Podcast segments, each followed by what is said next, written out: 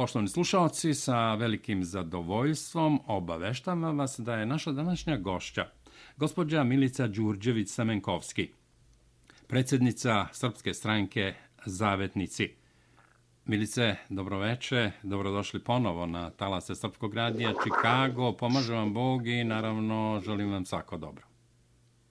Bog vam pomogao, dragi moji Srbi, sa te strane okeana.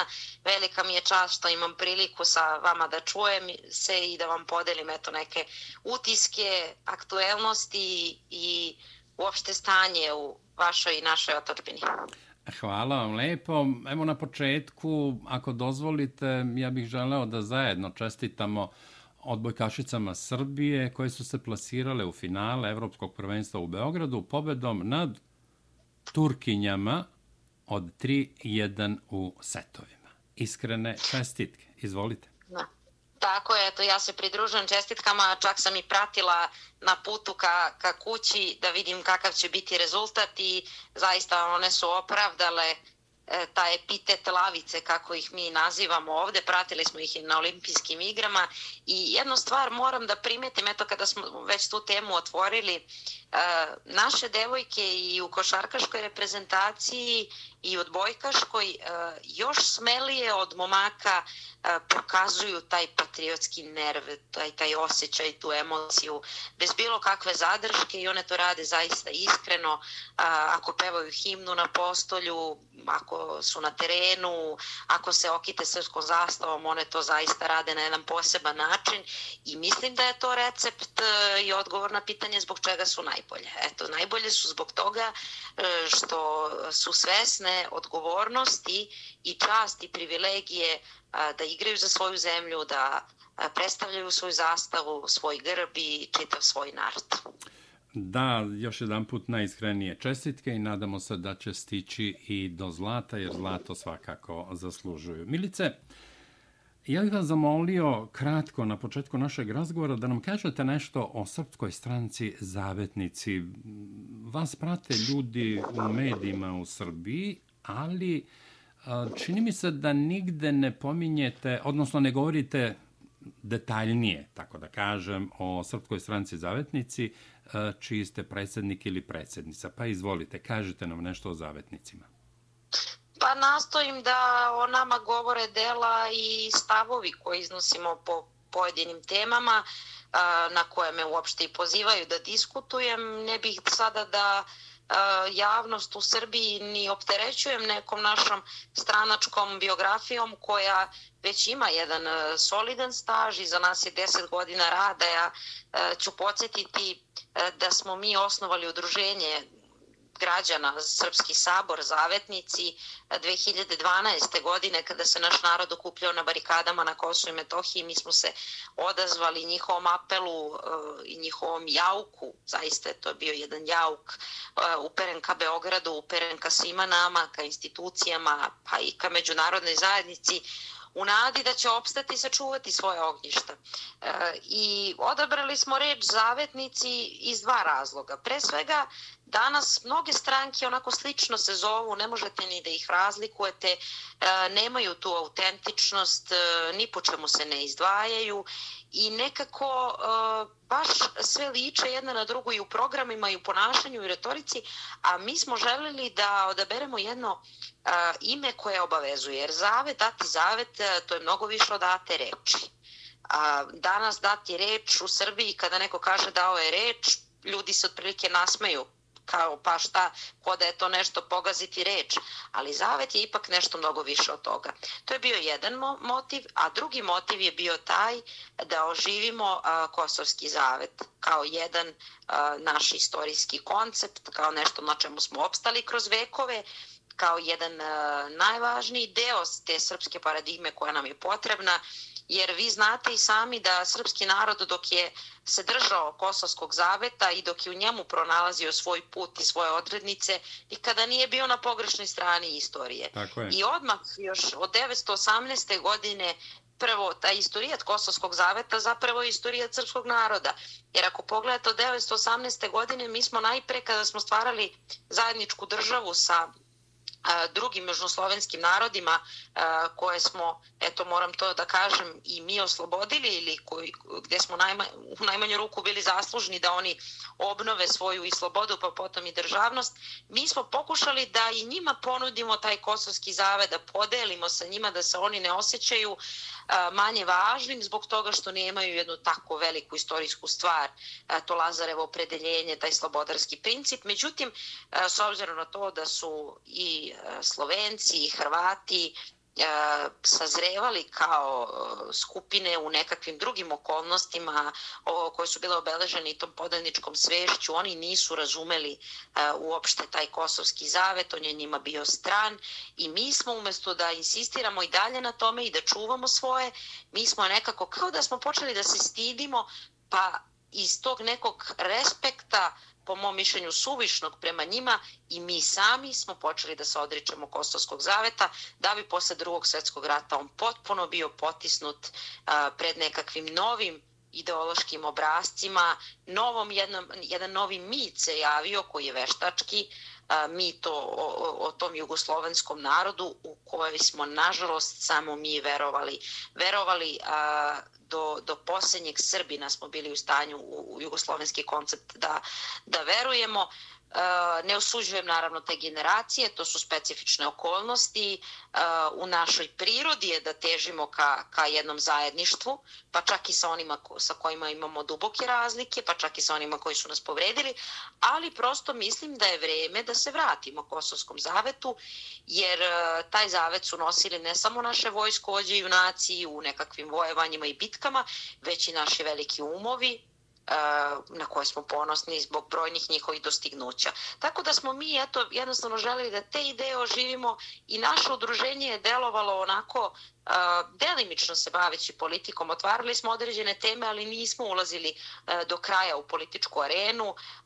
Pravili smo najveće anti-NATO demonstracije u čitavoj Evropi kada je a, tadašnje rukovodstvo Srbije, koje je i dalje, dalje na vlasti, potpisalo jedan zakon o saradnji sa NATO-om i praktično NATO omogućilo sve ono što oni nisu uspeli 99. godine kada su nas bombardovali i kada su tražili da mogu da koriste našu, a, naše kasarne, našu vojnu infrastrukturu i da bez bilo kakve krivične i materijalne odgovornosti mogu da krstare Srbijom, odnosno da imaju njihovi pripadnici imunitet. Tada smo napravili te, kao što rekoh, najveće demonstracije, ali da skratim priču, bilo je tu zaista puno rada u pogledu podrške našem narodu u Republici Srpskoj i samoj Republici Srpskoj, Crnoj Gori, Makedoniji, odlazili smo tamo, napravili zaista divne odnose sa, sa našim narodom, udruženjima pa i političkim subjektima koji tamo deluju.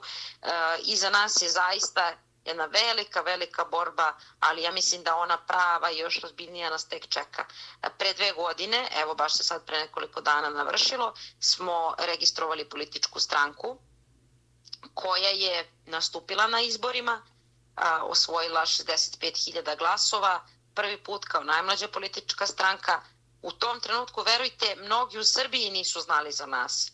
A sada, evo, godinu dana kasnije, nešto više od godinu dana kasnije od tih izbora, verujte da samo oni koji se baš uopšte ne bave politikom ili koji ne pale ni televizor, niti čitaju vesti, nemaju ni, ni naloge na društvenim mrežama, samo oni eto možda nisu čuli za zavetnike, a svi ostali su apsolutno upoznati u naš rad i mislim da je to eto bilo i najbolji, najbolji način da se predstavimo. Nismo menjali svoju politiku, sve ono što sam govorila 2012. govorim i 2021. godine, jedino što se promenilo je broj ljudi sa kojima sarađujemo, sve ih je više. E, eto, osvanula su i neka istraživanja javnog mnjenja. Uvek sam prema njima oprezna, ali e, čak i ona koja su tendencijuzna i koja nisu projektovana u našu korist pokazuju da podrška Srpskoj stranci zavetnici raste i da smo mi trenutno, što se tiče patriotske scene, rodoljubive političke, rodoljubive političkog spektra, trenutno smo najjača politička stranka. Naravno, treba mnogo vremena da ljudi povrate poverenje, jer ako neko zna koliko je Srbin izigran raznoraznim strukturama, to znaju naši Srbi u dijaspori. Tako Posebno je, tako je. kod vas su dolazili zaista uglavnom da traže, nikada ništa da ponude i a, nažalost a, mnogi su iznevereni danas u situaciji da teško se odlučuju da pokone poverenje. I zato ja svaki put kad dobijem poruku, a to se svakog dana dešava na društvenim mrežama, e, nisam glasao 15-20 godina, e, ni za koga razočaran sam, ali sada prvi put želim da nekome dam podršku i prvi put nekome verujem. Jer iskreno da vam kažem, mi smo i kao mladi ljudi ušli u sve ovo.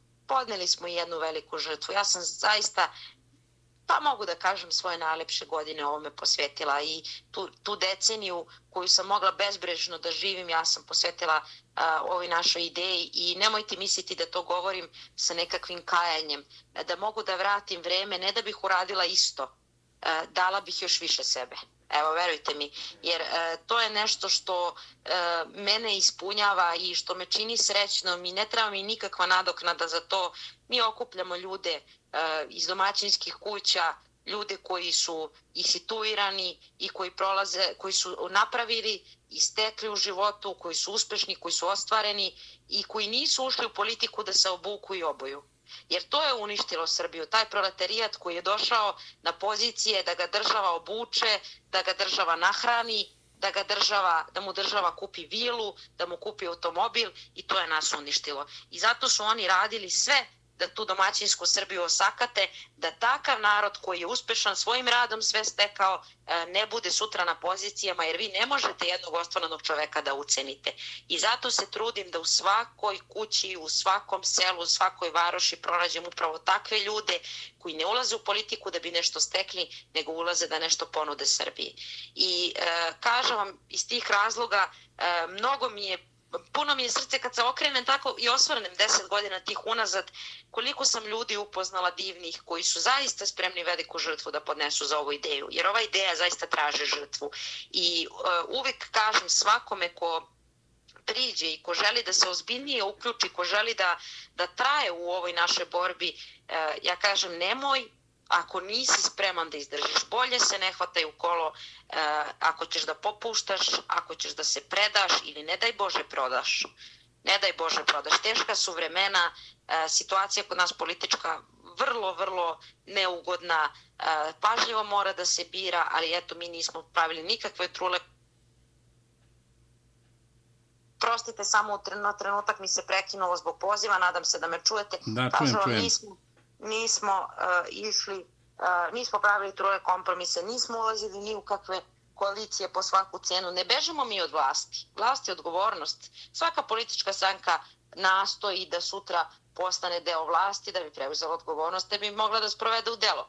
Ali jednostavno ne po svaku cenu, ne da nekome budemo i kebana, e, ne da negde figuriramo, ne da uđemo negde samo eto da bi par pojedinaca se negde uhlabilo, nama to ne treba, E, mi hoćemo jednostavno da onog trenutka kada budemo nosili vlast u Srbiji, da tog trenutka mi možemo da sprovodimo naše ideje. A do tada ćemo biti na ovim opozicijonim aspektima, naravno uvek spremni da pohvalimo ono što je dobro. Evo ja nemam problem s tim da kažem da je u Srbiji danas vlada usvojila nacrt zakona o Ćirilici, o zaštiti Ćirilice. Nadam se da će Narodna skupština to izglasati.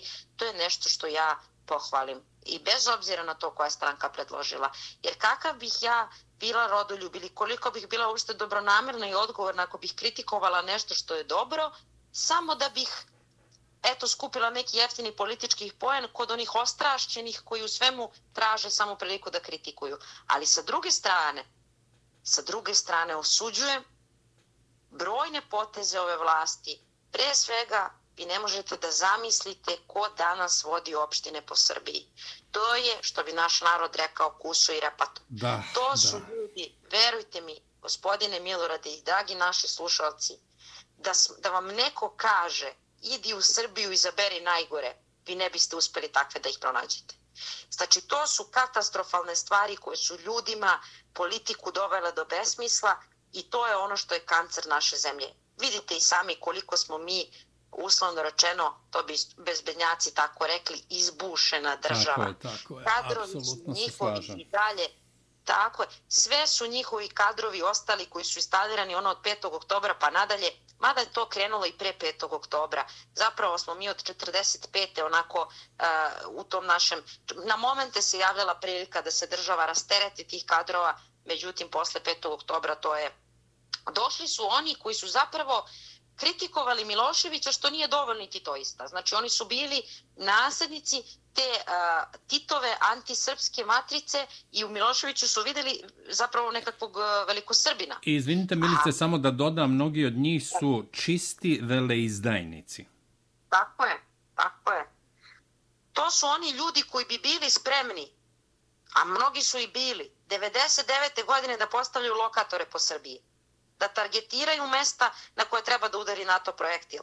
Znači, takvi ljudi i dalje to rade, ne postavljaju više lokatore za navođenje uh, raketa i projektila, ali postavljaju lokatore u smislu uh, kandidovanja određenih tema. Evo, recimo, vidite i sami šta se dešava u Crnoj Gori. E, ja bih želeo sad da, da pređemo da. svakako na Crnu Goru, pa bih, uh, naravno, malo kon, napravio koncepciju ovog pitanja sa jednom ilustracijom. Naime, ustoličenje mitropolita Joannikija na Cetinju, dolazak patrijarha Porfirija u Podgoricu i Cetinje i tenzije u vezi sa tim svečanostima. Ako se slažete da kao uvod u današnji intervju, evo već, već smo ga ovaj, i započeli, rekao bih na, na jedan lep, fini način, kao uvod u današnji intervju, ajde da kažem ovaj radni deo, da pustimo deo audio zapisa iz vašeg dijaloga sa obskurnom ličnošću političara ili već ne znam, da ne bih želeo zaista da vređam, ali kad kažete Nena Čanak, onda sve se kaže. Gostovali ste sa njim u jutarnjem programu televizije Happy. Nakon toga da komentarišete te opasne izjave ove obskurne ličnosti kao što je on, a uzgred sličnih je mnogo, nažalost, u Srbiji. Pa evo da čujemo i taj deo, pa ću vas onda zamoliti za komentar i prelazimo na situaciju u Crnoj Gori. Pošto gospodin Čanak pokušao mi deli lekcije, ali... A šta ste vi meni radili do sada? Vi ste, vi ste. Ne, ja vama, ja vama nemam šta da delim lekcije. Ne mogu ja čoveka koji je proveo vek da od nečega odučim. Ja vas promeniti neću, mada mi je drago što ste prvi put priznali da se tamo za to zalažete, niste to ranije radili. Govorite malo čas, govorite malo čas da se ne mešate u unutrašnje pitanje drugih država. A najavljujete danima da idete na Cetinje, da Naravno. da se vi borite protiv mitropolita Jonikija. Pa čekajte, šta vi imate sa Nije Srpskom pravoslavnom crkvom? Nije tačno. Pa šta vi imate sa Srpskom pravoslavnom? A protiv čega se borite? Šta vam smeta ustoličenje na Cetinju? Zašto vam to smeta?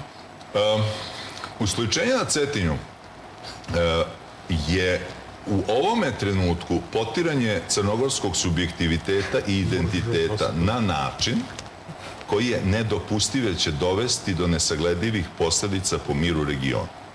Ovo vam ne govorim zato što sam to izmislio ili zato što želim da se to desi. Naprotiv, ja bih jako volio da se to ne desi. Ali, ako sam bio tamo pre 31 godinu. Naravno da ste bili, gde god se razdirala Srbija, vi ste bili.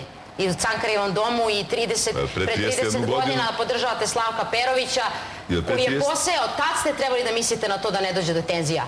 Kad ste stvarali sa njima montenegrinsku naciju, Šta vas briga šta će da rade velikodostojnici Srpske pravoslavne crkve? Pa ja mogu da, da verujem da se vi više razumete u Pilates nego u Srpsku pravoslavnu crkvu. Pošto ste izmislili pre nekoliko dana da je Srpska pravoslavna crkva osnovana 1921. godine u, uh, Crnoj, u, u Crnoj Gori i da je osnovao kralj Aleksandar. Vi ništa ne znate. Vi ne znate šta je svetovna, šta je duhovna vlast. Ili to namerno radite? Kako može kralj da osnuje crkvu? Kakve su to...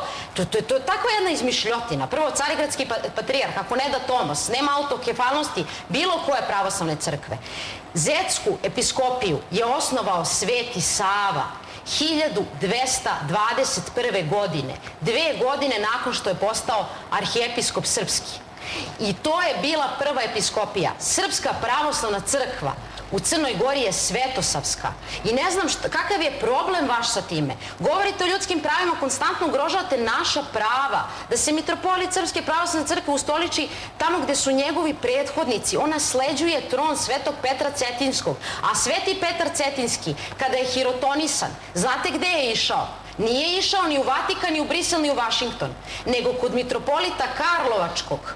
Tu je išao i po blagoslov i po saglasje. Znači nikakva nije postojala crnogorska autokefalna crkva, nego je razdorena srpska patrijaršija koja se obnavljala iz pepela, imala svoje nezavisne administrativne celine koje su samo u administrativnom smislu bile nezavisne. Vi to, gospodine Čanak, nakon toliko vremena proverenih u javnom životu morate da znate.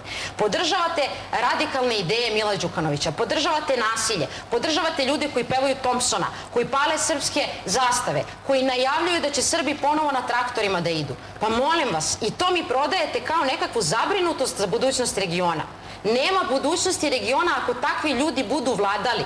Ti ljudi su margina, to je šaka jada. I pritom jedna stvar, koji crnogorski identitet? Koliko crnogoraca koji se izrašnjavaju kao crnogorci sebe smatraju vernicima Srpske pravoslavne crkve? Koliko njih? Pa pr, e, pola stanovništva koji su vernici Srpske pravoslavne crkve se izrašnjavaju kao crnogorci. Kako njima to ne smeta, vama smeta? U čime vi to govorite? U čije ime govorite? Malo pre, ste rekli, pre nekoliko dana ste rekli Krsto Zrno Popović bio veliki crnogorac. Pa to ja u životu nisam mogla da, da čujem da neko toliko u zrelim godinama falsifikuje istorijske činjenice. Čovjek bio Srbin, ali naklanjem Petrovićima. Podele između zelenih i belih su bile političke, partijske, dinastičke, a ne nacionalne. Krsto Zrno Popović njemu pasošu piše Srbin i to se izjasnio u Liježu, u Belgiji kao Srbin gde mu niko nije za vratom stajao da, i terao ga da se izjasni.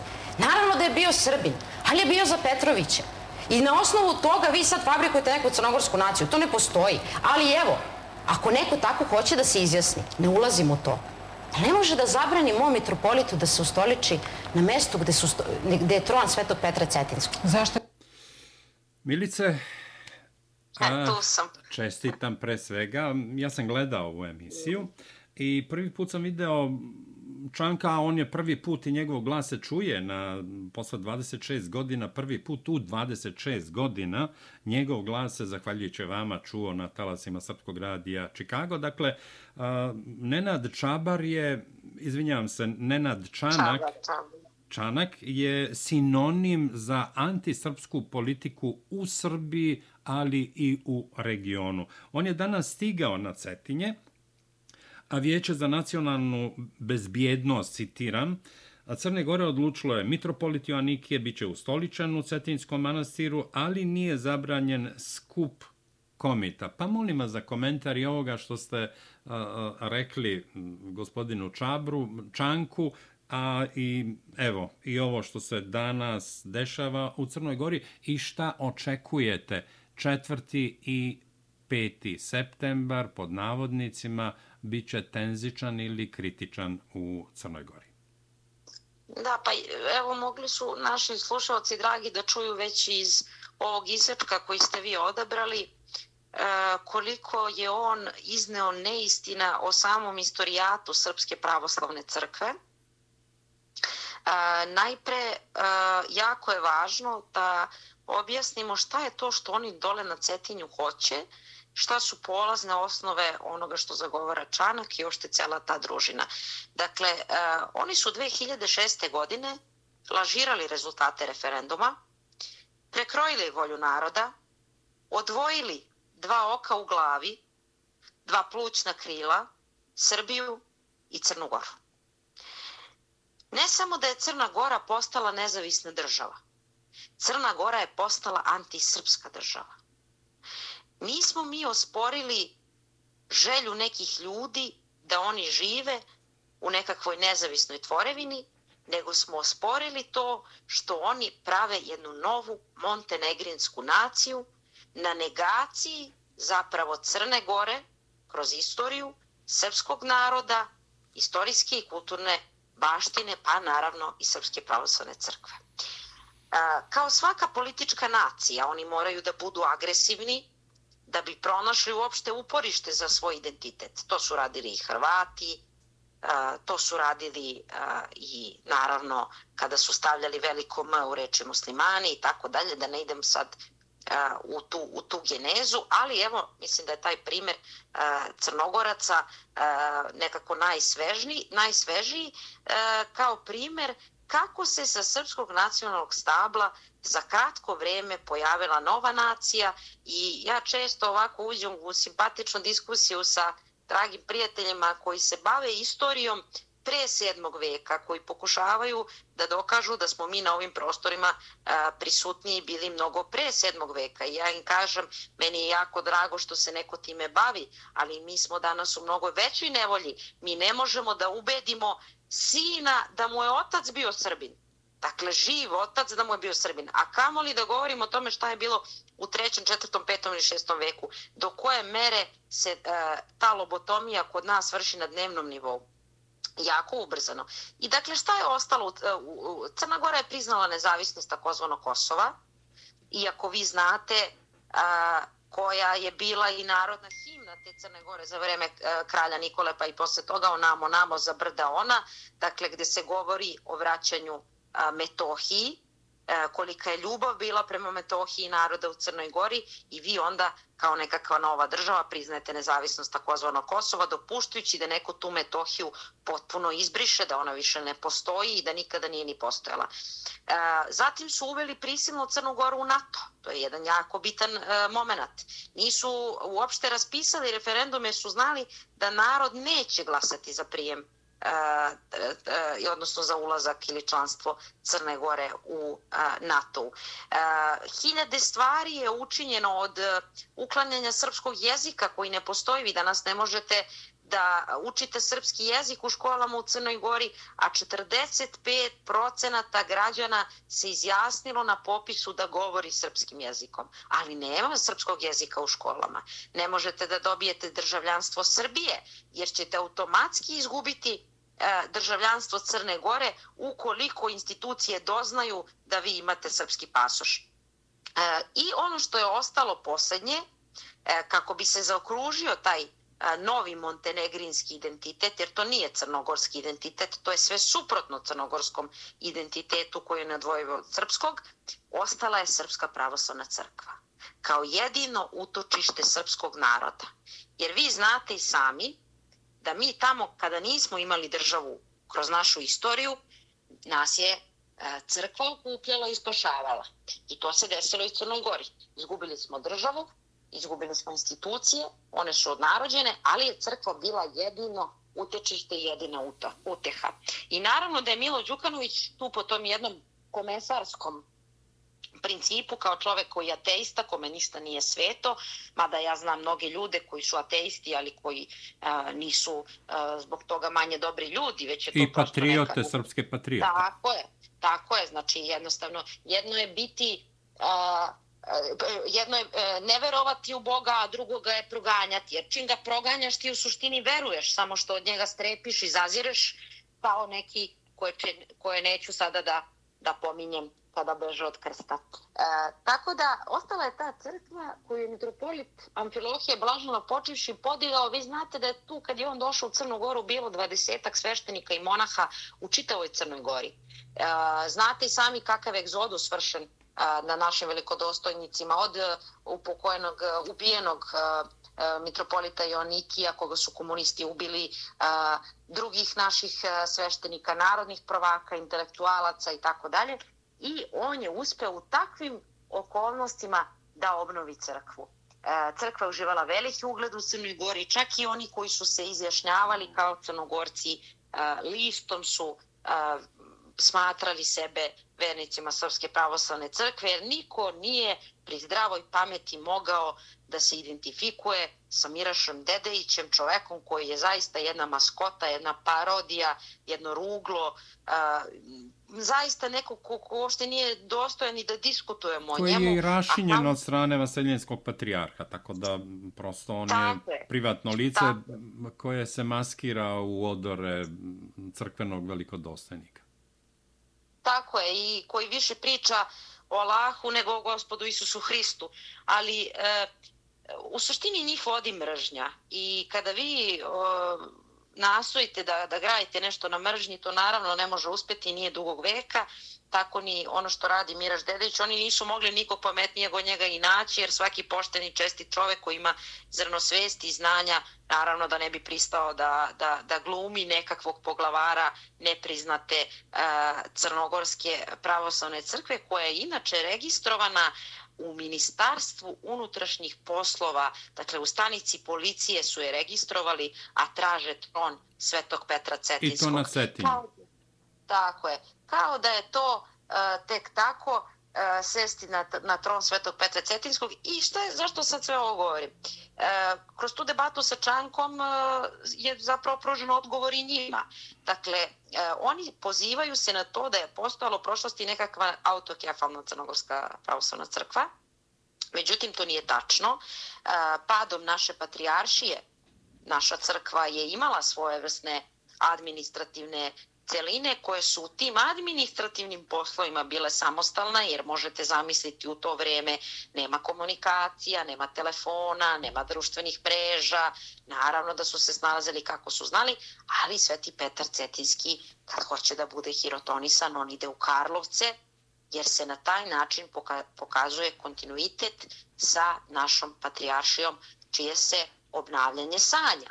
I zašto je mitropolit Crnogorsko-Primorski ujedno i egzarh Pećkog trona, dakle čuvar Pećkog trona, upravo zato što je oduvek bio naslonjen na našu patrijaršiju. I nikome nije palo na pamet da traži tomos odnosno priznanje autokefalnosti od strane Carigradskog patrijarha. Tako da su to njihove smicalice, posebno što moramo da pomenemo i da je Sveti Sava, prvi srpski arhijepiskop, osnovao prvu episkopiju, Zetsku episkopiju u Crnoj Gori dve godine nakon što smo mi uopšte dobili arhijepiskopiju stekli taj status i praktično samostalnost srpske crkve na ovim prostorima.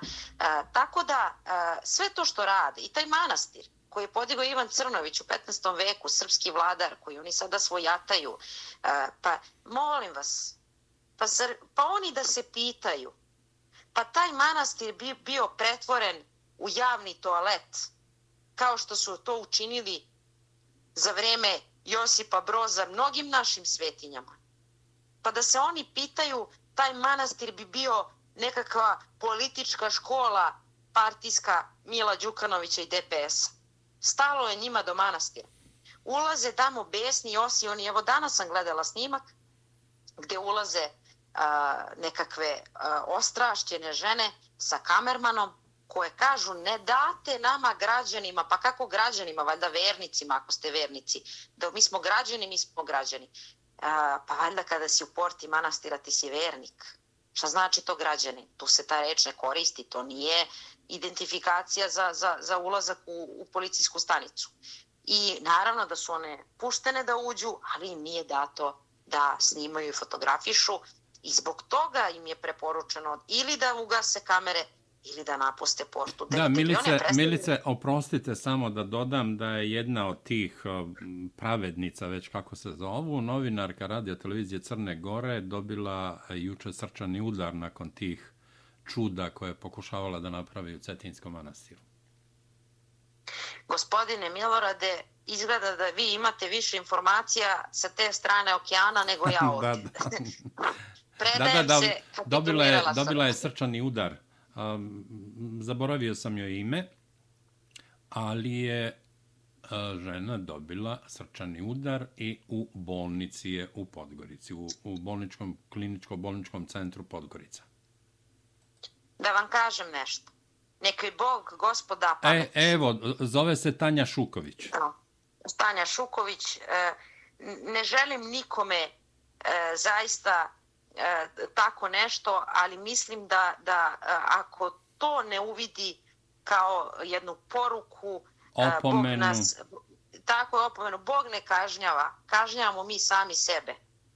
Ali to jeste opomena, ona je sebe kaznila time što je uradila, e, što, što je puna mržnje ušla u svetinju. Ne ulazi se sa mržnjom u srcu u svetinju ako nisi došao da se iskreno pokaješ. I ona mora jednostavno e, to da shvati, ne ona, nego svi oni da shvate da su udarili na svoju krv. Na svoju krv, na same sebe. U koren su svoj zasekli. Cetinje je bio duhovni, politički, intelektualni, domaćinski centar srpstva u Crnoj Gori manje od 100 godina unazad.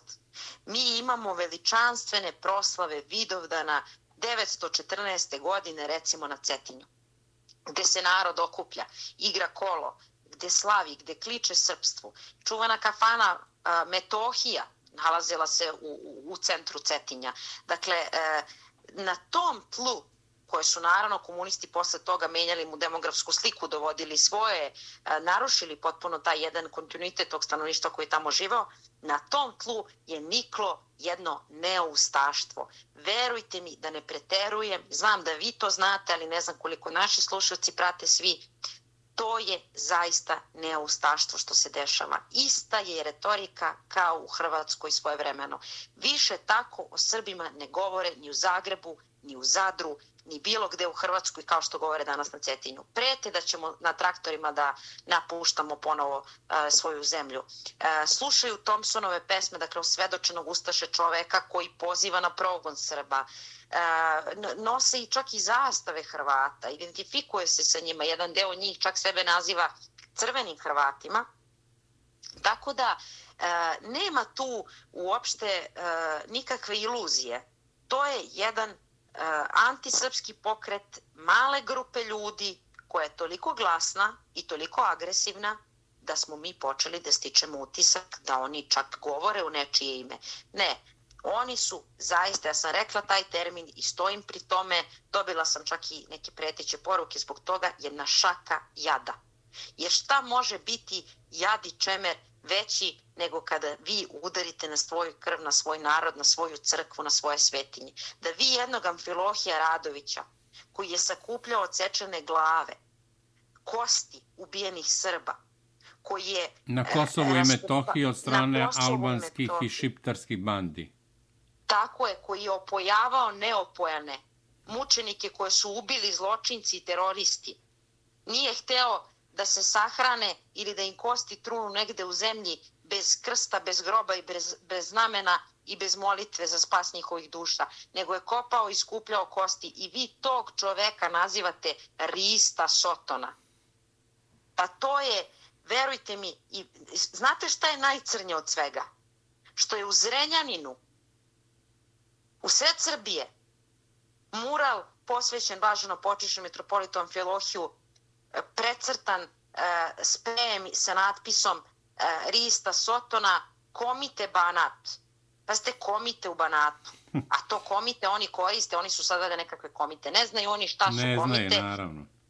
Da znaju istoriju ne bi ni koristili. To oni mogu da budu Nažalost, prema svojoj ideologiji, nikoga ne kvalifikujem, ja posmatram njihove postupke, ja posmatram njihova dela, metodologiju rada, način izražavanja, oni mogu da budu samo ustaše. Da, Milice... Komite, ti ne mogu. Ako dozvolite samo ovaj, da, da, da... Oprostite, ja sam se raspričala. Ne, ne, nema veze, sve je u redu, nego ne, hteo bih samo da, da prokomentarišete ovu odluku Vijeća za nacionalnu bezbednost, je predsednik naš prijatelj Milan Knežević. Oni su danas odlučili većinom glasova, bilo je i oni koji su bili protiv, kao što je šef policije Sekulović, da se mitropolit Joannikije ustoliči u Cetinskom manastiru, da se ne zabrani skup komita koji je nelegalan po zakonu jer nije prijavljen šest dana pre održavanja, a sa druge strane imamo izjave Mila Đukanovića, predsednika koji bi trebao da bude predsednik svih građana Crne Gore, i Crnogoraca, i Srba, i Albanaca, i Bošnjaka i tako dalje, koji će doći kao na Cetinje da brani tobože Cetinje i Cetinski manastir od nekakve okupacije i tako dalje i tako dalje, okupacija iz Beograda od strane Srbije, Ali sa druge strane, Dritana Bazović, podpredsednik vlade, kaže Milo Đukanović neće doći na Cetinje, sve je to njegov blef, kao što je blefirao 30 godina, izblefiraće i ovo.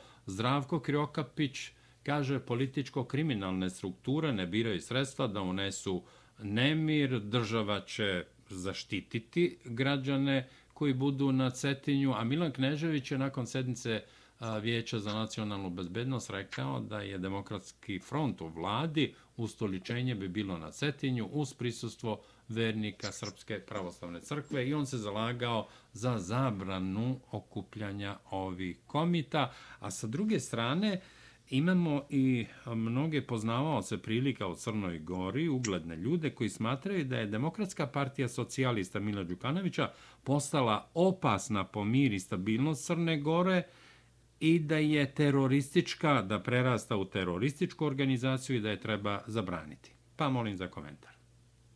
Da, pa činjenica je da nakon poraza na izborima Milo Đukanović klizi u jedan e, radikalizam, u, u zaista podržavanje huligana, ekstremista, ljudi koji su apsolutno na margini i političkog i društvenog života u Crnoj Gori. I vidite da je to praksa i u Srbiji da svi oni koji su na zalasku političke snage ili na političkom umoru i koji gube poverenje i koji više ne mogu da opstanu, posežu za tim radikalnim ekstremističkim idejama kako bi na njima parazitirali i kako bi ponovo pronašli uporište za, za, svoj, za svoje političke stranke. Milo Đukanović, zamislite, ide da brani manastir od e, srpskih okupatora, možete misliti, a čekajte, ja samo postavljam pitanja ko on ateista, zašto njega uopšte dotiče manastir, e, ako govorimo o njegovom kulturnom značaju, ja sam pomenula ko je podigao taj manastir, dakle nije sigurno ga podigao Milo, niti Brano Mićunović, niti uh, Miško, niti Duško, niti bilo ko od te družine, Sekulić ili tako dalje. E, tako da e, to samo pokazuje da on pokušava da naruši naravno stabilnost Crne Gore, ali da na toj podeli društva pronađe način da opstane na političkoj sceni.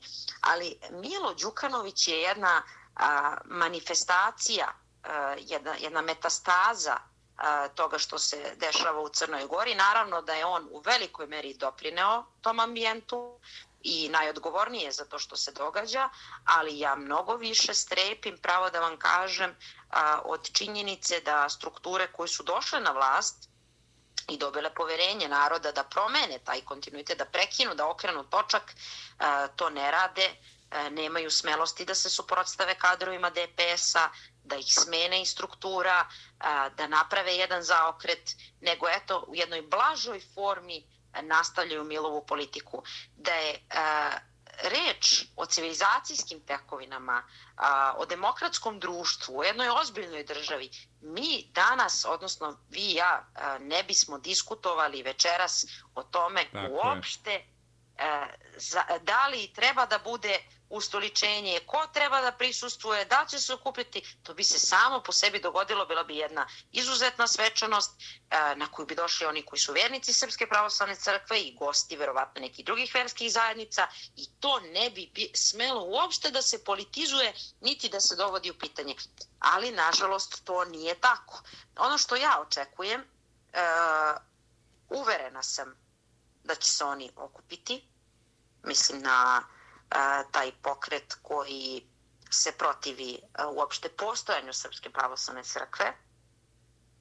Uverena sam da oni neće ostati u svojim kućama, međutim ne mislim da će imati masovnost da nešto više od toga urade, što ne znači da neće pokušati.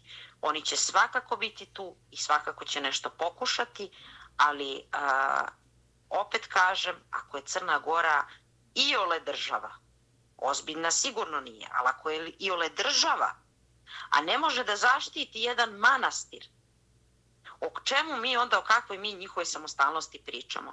Nije Joannikije došao sa vračara, niti uh, iz Novog Sada, niti iz Subotice, niti iz Kragujevca. On je iz Crne Gore tu je rođen i tu je ponikao. Ako je on za njih kao takav strani element i ako je on za njih kao takav tuđ, onda je za njih tuđe i svi onih 65% vernika, odnosno građana koji se izrašnjavaju kao vernici Srpske pravoslavne crkve. Onda oni nemaju problem samo s metropolitom Jonikijem, oni imaju problem sa velikom većinom svojih komšija svojih familija, svojih prijatelja i svih onih koji žive u Crnoj Gori.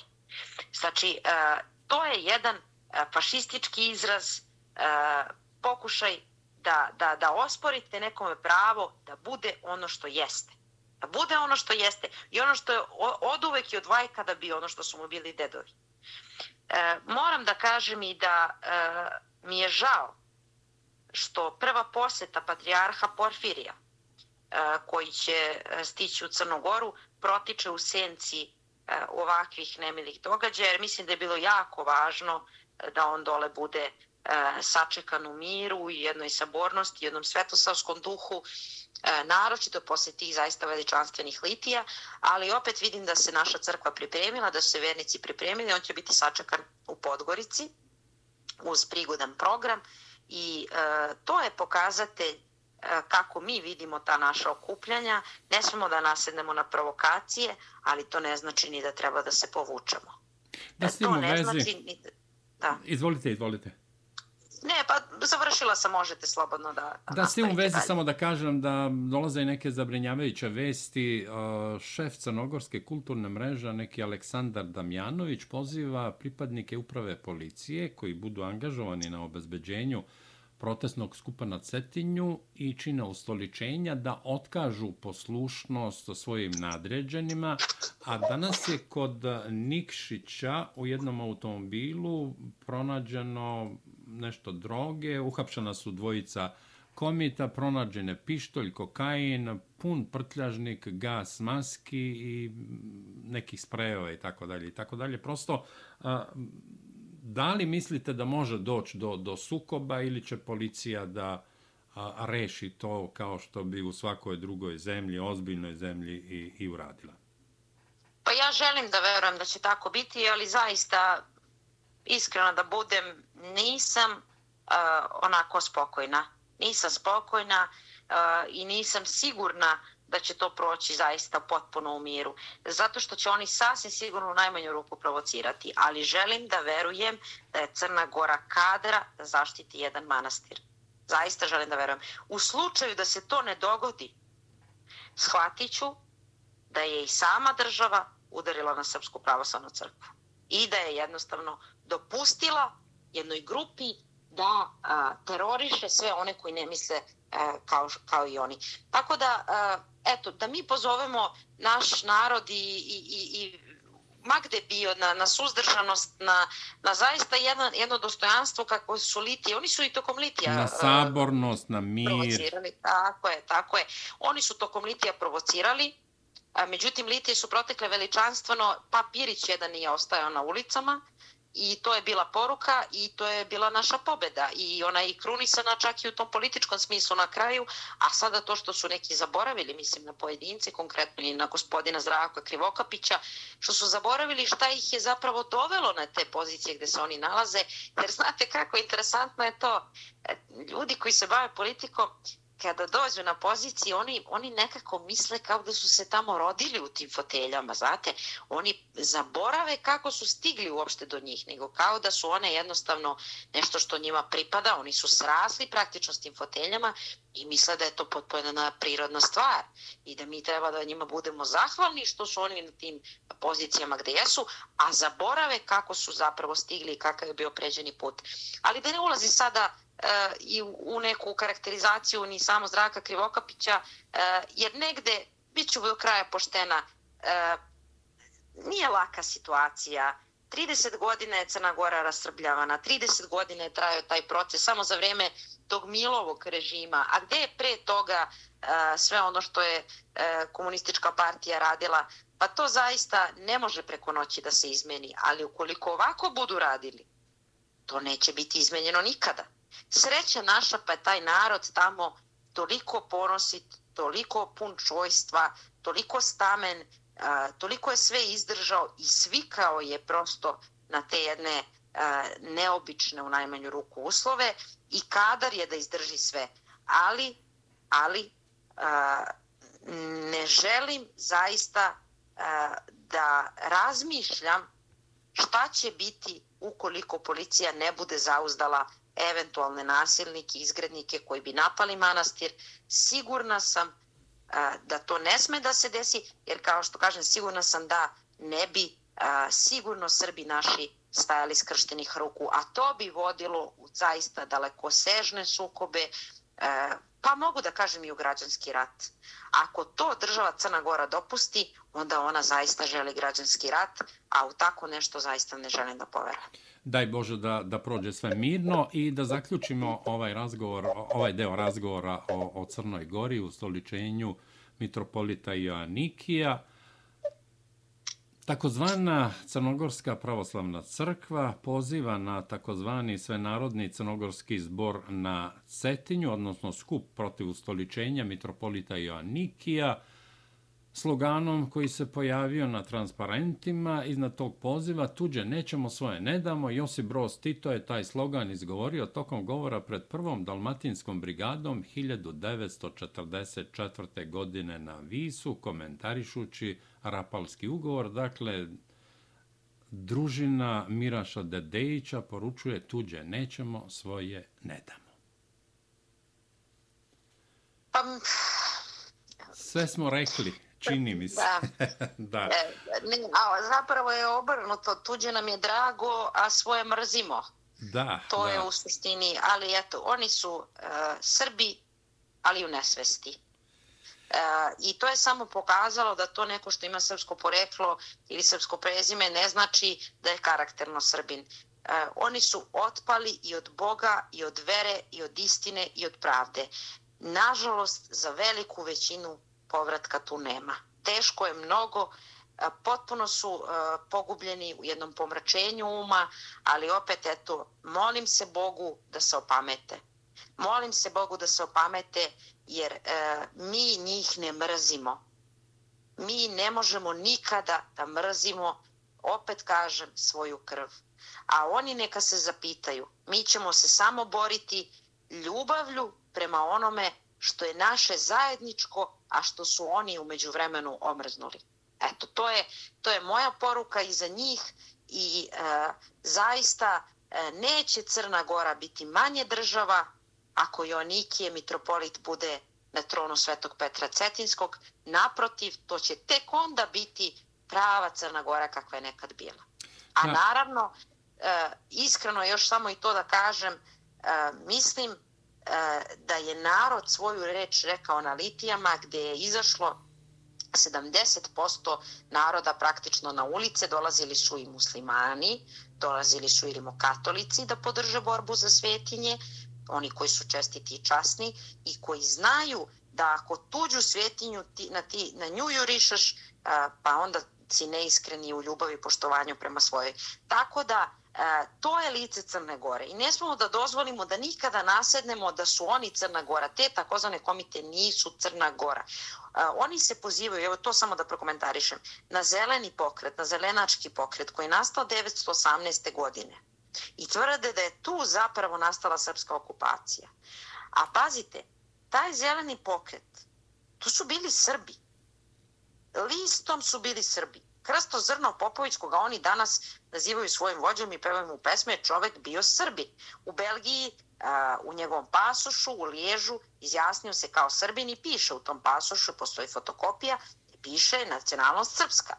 Niko njega sigurno od Belgijanaca nije tu kao po glavi da se izjasni kao Srbina koji je negde mogo komotno drugačije da se izjasni, pa to je na zapadu. Ali nije izjasnio se kao Srbin jer je to i bio. To su bile dinastičke podele, jedni su bili za Petrovića, drugi za Karadžorđević, jedni su bili za jedno državno uređenje, drugi za drugo, ali su svi bili za jedinstvo srpskog naroda i svi su sebe smatrali Srbima. A oni danas ne mogu sebe smatrati nastavljačima e, Krsta Zrnova, mogu samo sebe da vide kao nastavljače Sekule Drljevića, odnosno sada u ovom novom periodu Mila Đukanovića i da pripadaju eventualno toj nekoj novoj naciji koja se sada stvara i koja svakako neće imati dugog veka jer nema nikakav kulturni istorijski belek.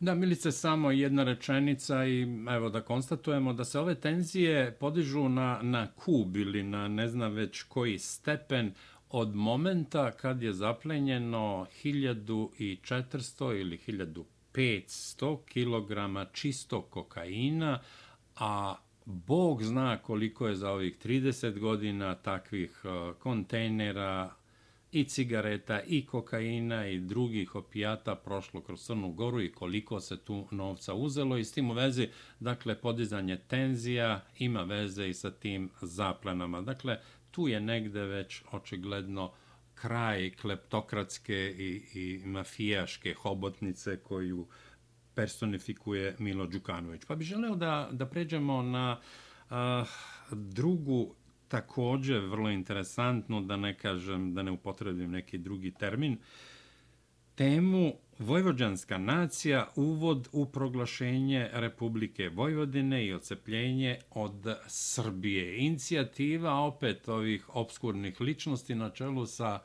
liderom Lige socijaldemokrata Vojvodine Nenadom Čankom. Neki Aleksandar Ođić je u toj inicijativi koji je predsednik nekakve Vojvođanske partije, ali je tu inicijativu podržala i ministarka u vladi Srbije Gordana Čomić, ministarka za ljudska i manjinska prava i društveni dijalog. Izvolite.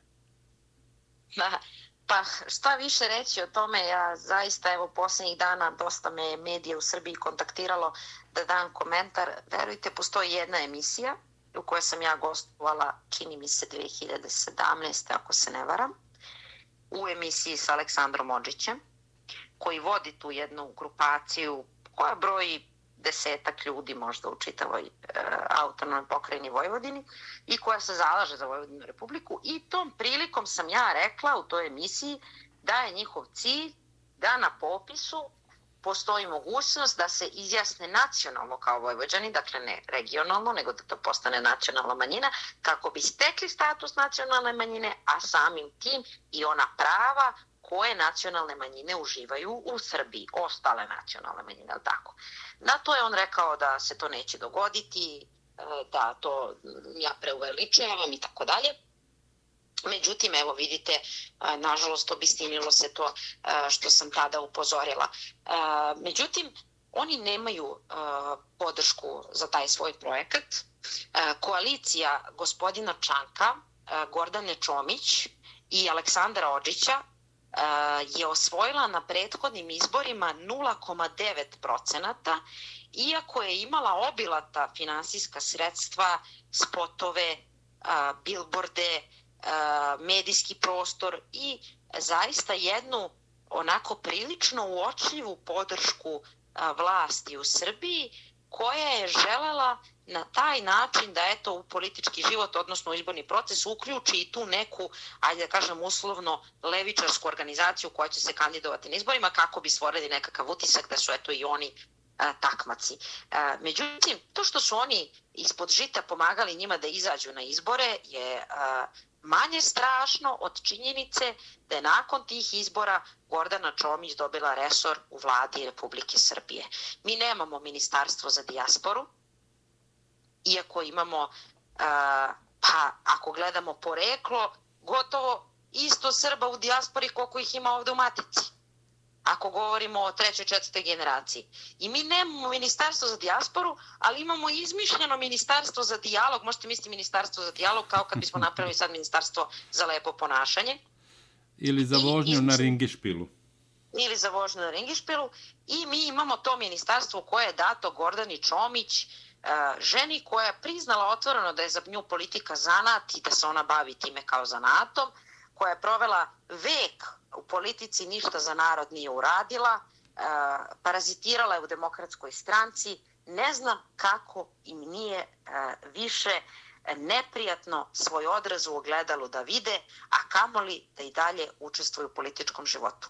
I oni su takvoj ženi dali da bude ministarka i da sada radi protiv svoje zemlje. Pa zamislite, mi svakog meseca njoj, ako ništa drugo, dajemo platu zato što je ministarka ako ništa drugo. I ona radi protiv svih nas iz čijeg se džepa plaća i na čijoj grbači živi već 30 godina. I sada izmišljaju od svih naših muka i nesreće i izazova koje su zadesile ovaj narod već 70-80 godina. Mi sada još treba da se borimo sa tim da nekom objašnjavamo da je nebo plavo, odnosno da je Vojvođanin jedna a, odrednica koja se samo može odnositi na srpsku Vojvodinu, jer ona kroz istoriju nikada nije bila republika, nego kada je postojala, postojala je kao srpska Vojvodina, odnosno težnja našeg naroda u okvirima Austro-Ugarske da odbrani i zaštiti svoja prava i da ima svoju autonomiju. E, ta vojvođanska nacija, zašto oni to rade? rade pre svega zato što žele novac, zato što žele da opstanu na političkoj sceni, zato što žele da kroz status nacionalne manjine dobiju suta sredstva iz budžeta, da mogu da se na izborima kandiduju u skladu sa uslovima koje imaju stranke nacionalnih manjina, da kao takvi uđu u parlament, jer na drugačiji način ne mogu. I da sutra svaki naš, svako naše osporavanje njihovih zahteva i njihovih stavova bi bilo, a vi nas ugrožavate po nacionalnom, e, nacionalnom ključu. Znači, mi sutra ne bismo smeli uopšte da prokomentarišemo bilo koji njihov stav. Ispalo bi da njih mi pogledamo po nacionalnoj osnovi, možete misliti kao nekakvu manjinu, odnosno Vojvođane. A, to je jedan moment. Drugi moment je taj što oni idu na to da stvore jedan lažni identitet Vojvođana kako bi sutra a, zahtevali uspostavljanje Vojvodine Republike u nekom narednom koraku, koja bi se već u, trećem, a, u trećoj fazi odvojila od Srbije i kao takva postala posebna država.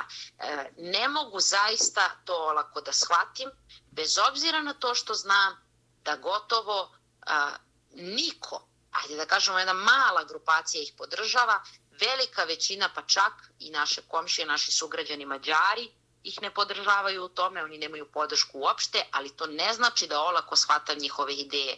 Zato što nismo mi mogli ni da sanjamo da će se ovo desiti sada na recimo na Cetinju što se dešava ili na Kosovo i Metohiji ili negde drugde, a evo dešava se, samim tim ne treba olako ni ova pitanja tretirati. Uh, Nenad Čanak, to javnost treba da zna, pa čak i tu u, u našem rasejanju, je u vlasti sa Srpskom naprednom strankom u Novom Sadu.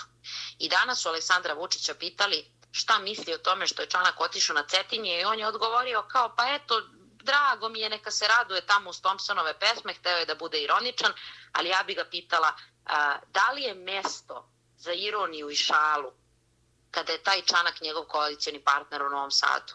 I eto, zamislite, onako simptomatično je dali su mu u Novom Sadu resor za kanalizaciju. Eto, to je e, nešto čime se Nenada Čanka bavi, ali e, kako god bilo, oni kao deo vladajuće strukture u drugom najvećem gradu u Srbiji dobiju legitimitet za svoje ideje, e, dobijaju sredstva, e, dobijaju e, na, na, na jednoj te, političkoj težini. I to im je omogućila Srpska napredna stranka. I to treba da, da se jasno kaže. Znači, nema oni što da se sada ograđuju od Čanka, jer je Čanak njihov koalicijni partner. Nema što da se ograđuju od Čomićke, jer je Čomićka njihov ministar u vladi, nije moj. Dakle, vi ste, gospodo, postavili. Ako neko takvu stvar iznese u javnost, poput vođenske nacije, pa istog jutra mora da ga sačeka smena zvanična na papiru i Absolutno. da mu se saopšte da više nije ministar s noge na nogu da se to izbaci iz vlade. Tako je.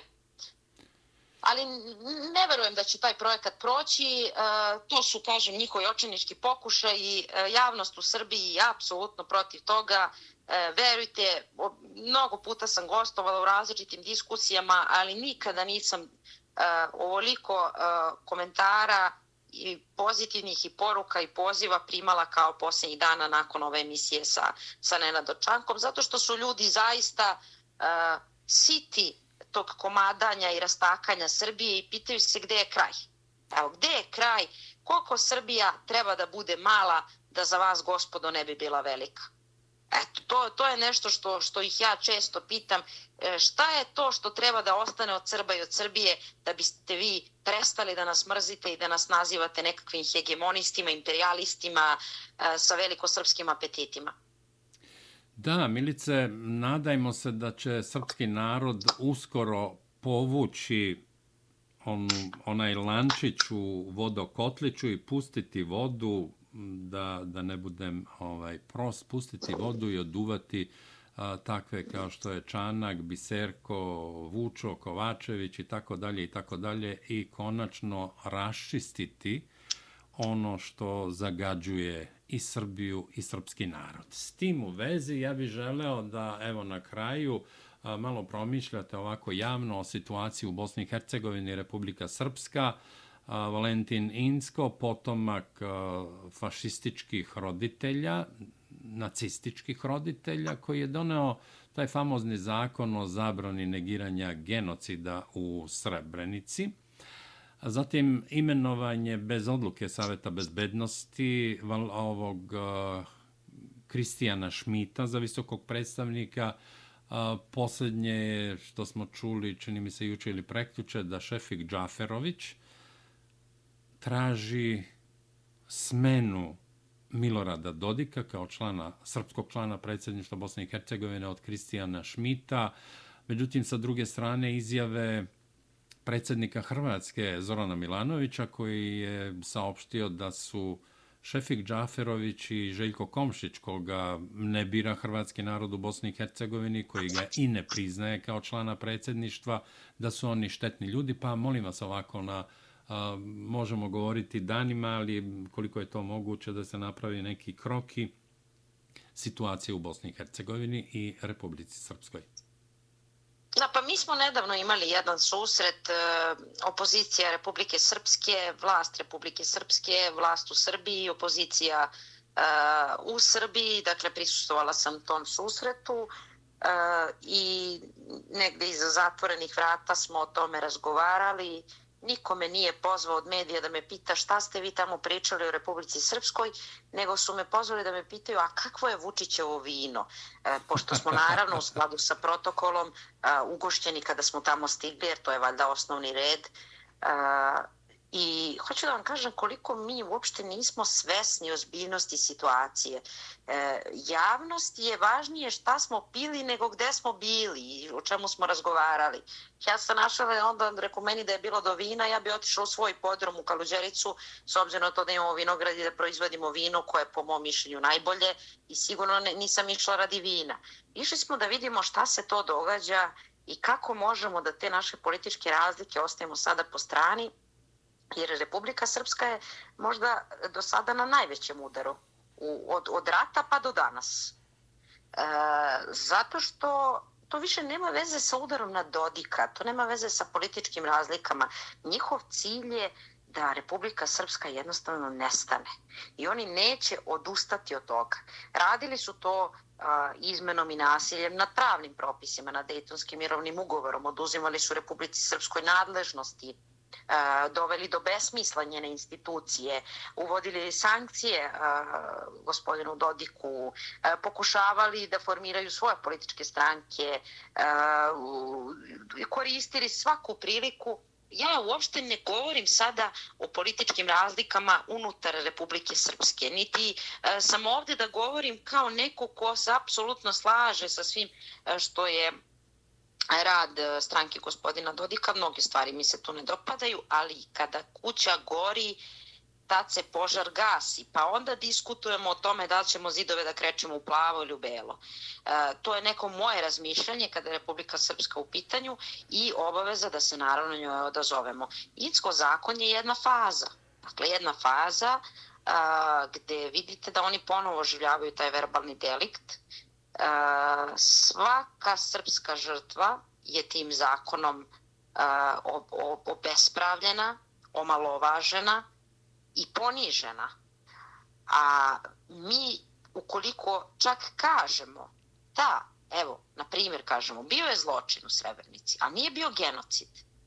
Ako to kažemo, mi u skladu sa inskovim zahtevom zakonom možemo da idemo na robiju. Dakle, zamislite dokle to ide. Vi čak možete da kažete da, priznajem, bio je zločin i žao mi je što se to desilo i žao mi je što su ime mog naroda neki ljudi pronašli prostor da se osvete ili da učine ne znam šta, ali nije bio genocid. Znači čak da budete do te mere, to nije čak ni objektivnost, nego čak i da budete pristrasni prema drugoj strani, vi opet niste dovoljno rekli, jer dok se ne pospete pepelom, dok ne priznate ono što nije, dok ne negirate Republiku Srpsku, vi niste podobni.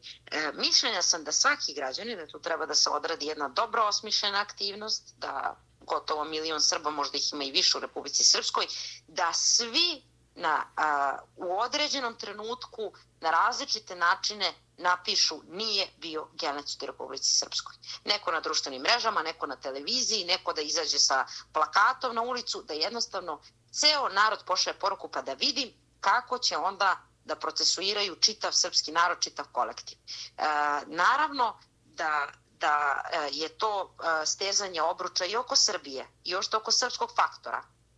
Jer kako god bilo, ja se s mnogim stvarima ne slažem koje se ovde dešavaju, ali činjenica je da se stvorio jedan utisak u regionu da se Srbija uspravila i da Srbija uh, u jednoj meri uh, se vraća na kolosek relevantnih država i kao takva ona predstavlja za njih pretnju. Iako mi ništa ne činimo uopšte da se i umešamo ni pozabavimo regionalnim pitanjima, ali eto sama činjenica da nismo na kolenima je za njih dovoljna da se oni prepadnu. I u takvom utisku uh, da je Srbija uh, prosto malo podigla glavu ili ispružila vrat, oni odmah stežu opruču i otvaraju žarišta. I Republika Srpska definitivno jeste jedna od tih žarišta. Tu treba biti strpljiv, treba biti mudar, E, mislim da rukovodstvo Republike Srpske treba da ostane dosledno. E, ako i postoji potreba da se pregovara, to može da čini Beograd u njihovo ime e, i da prosto opipa, kako bi se reklo, stanje i da vidi se šta se može činiti. Mislim da Bosna i Hercegovina nema budućnost, mislim da je bolje i za nas i za Bošnjake da se raziđemo, u Bosni i Hercegovini, da svako ima svoju državu, kako bismo mogli da se razvijamo i ekonomski da napredujemo, da taj narod živi, da se taj narod zapošljava, da taj narod se ne bavi samo time šta je rekao Bakir, šta je rekao Dodik, već da jednostavno mogu normalno da žive. Ne moraju da se vole ako ne mogu da se vole, ali barem da se poštuju ili barem da se ne mrze ili bare jedni drugima nožu leđa da ne zabadaju. Mislim da je to e, sasvim dovoljno. Naš narod je izborio se za tu Republiku Srpsku velikom žrtvom i sigurno neće nikome dozvoliti da je ukine i da je ospori. Nema tog Inska, nema tog prokuratora, nema tog uh, njihovog nadzornika uh, ni komesara koga će oni uh, moći da pošalju ako će moći da ukine Republiku Srpsku. Tako da bolje je da shvate i da se lepo raziđu, da dopuste da Republika Srpska održi referendum, da se izjasne svoje samostalnosti građani i da nakon toga kao dve države međusobno priznate nastave svoj, nastave svoj put.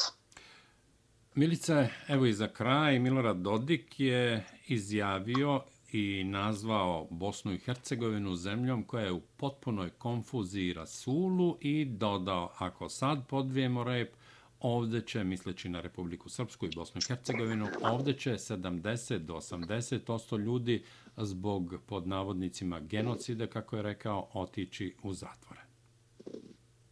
Tako je. Eto, to je ono o čemu sam malo čas govorila. Mislim da to oni u praksi ne mogu da sprovedu, da bi to bio presedan e, na, na svetskom nivou, nešto neviđeno u istoriji čovečanstva, ali s kim imamo posla ništa me ne čudi. E, kao što rekoh, ne vidim budućnost Bosne i Hercegovine. Ja razumem da zvaničnici e, u Srbiji govore da oni poštuju integritet Bosne i Hercegovine, slovo Dejtona i tako dalje, ali Dejton je zgažen na uštrb samostalnosti ingerencije Republike Srpske.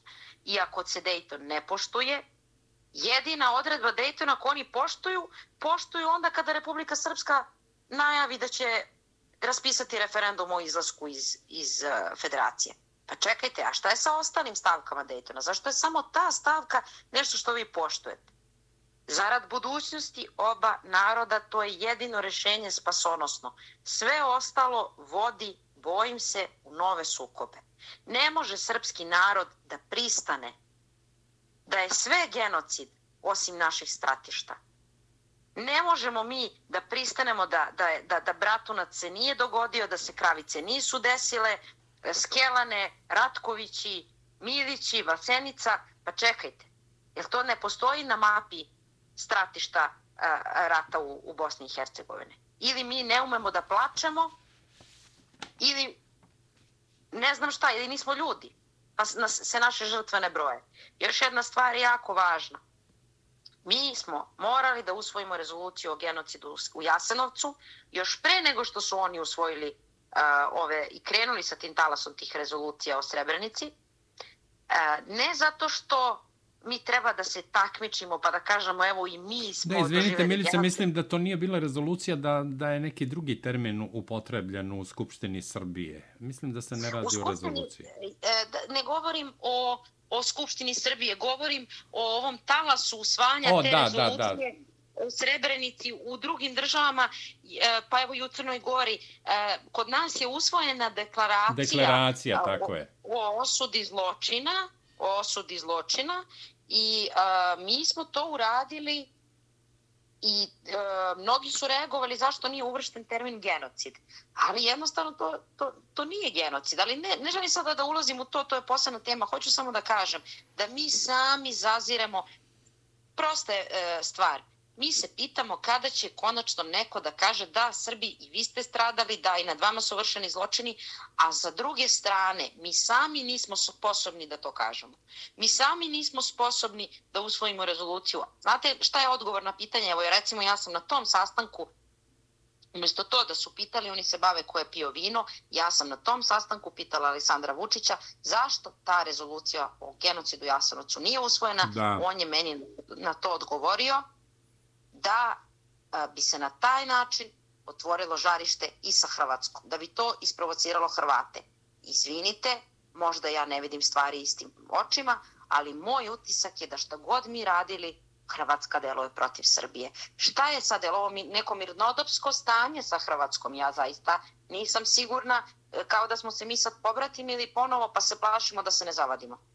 Molim vas, znači ako ćemo mi zbog Hrvatske koja nas provocira svakodnevno, koja otima Teslu, koja ne da Srbima da promole glavu tamo, koja mu skraćuje sva prava, ako ćemo mi da zasla, koji slave oluju, koji slave progon 250.000 Srba sa svojih ognjišta, a mi se plašimo da kažemo da bio, pa šta je nama preče?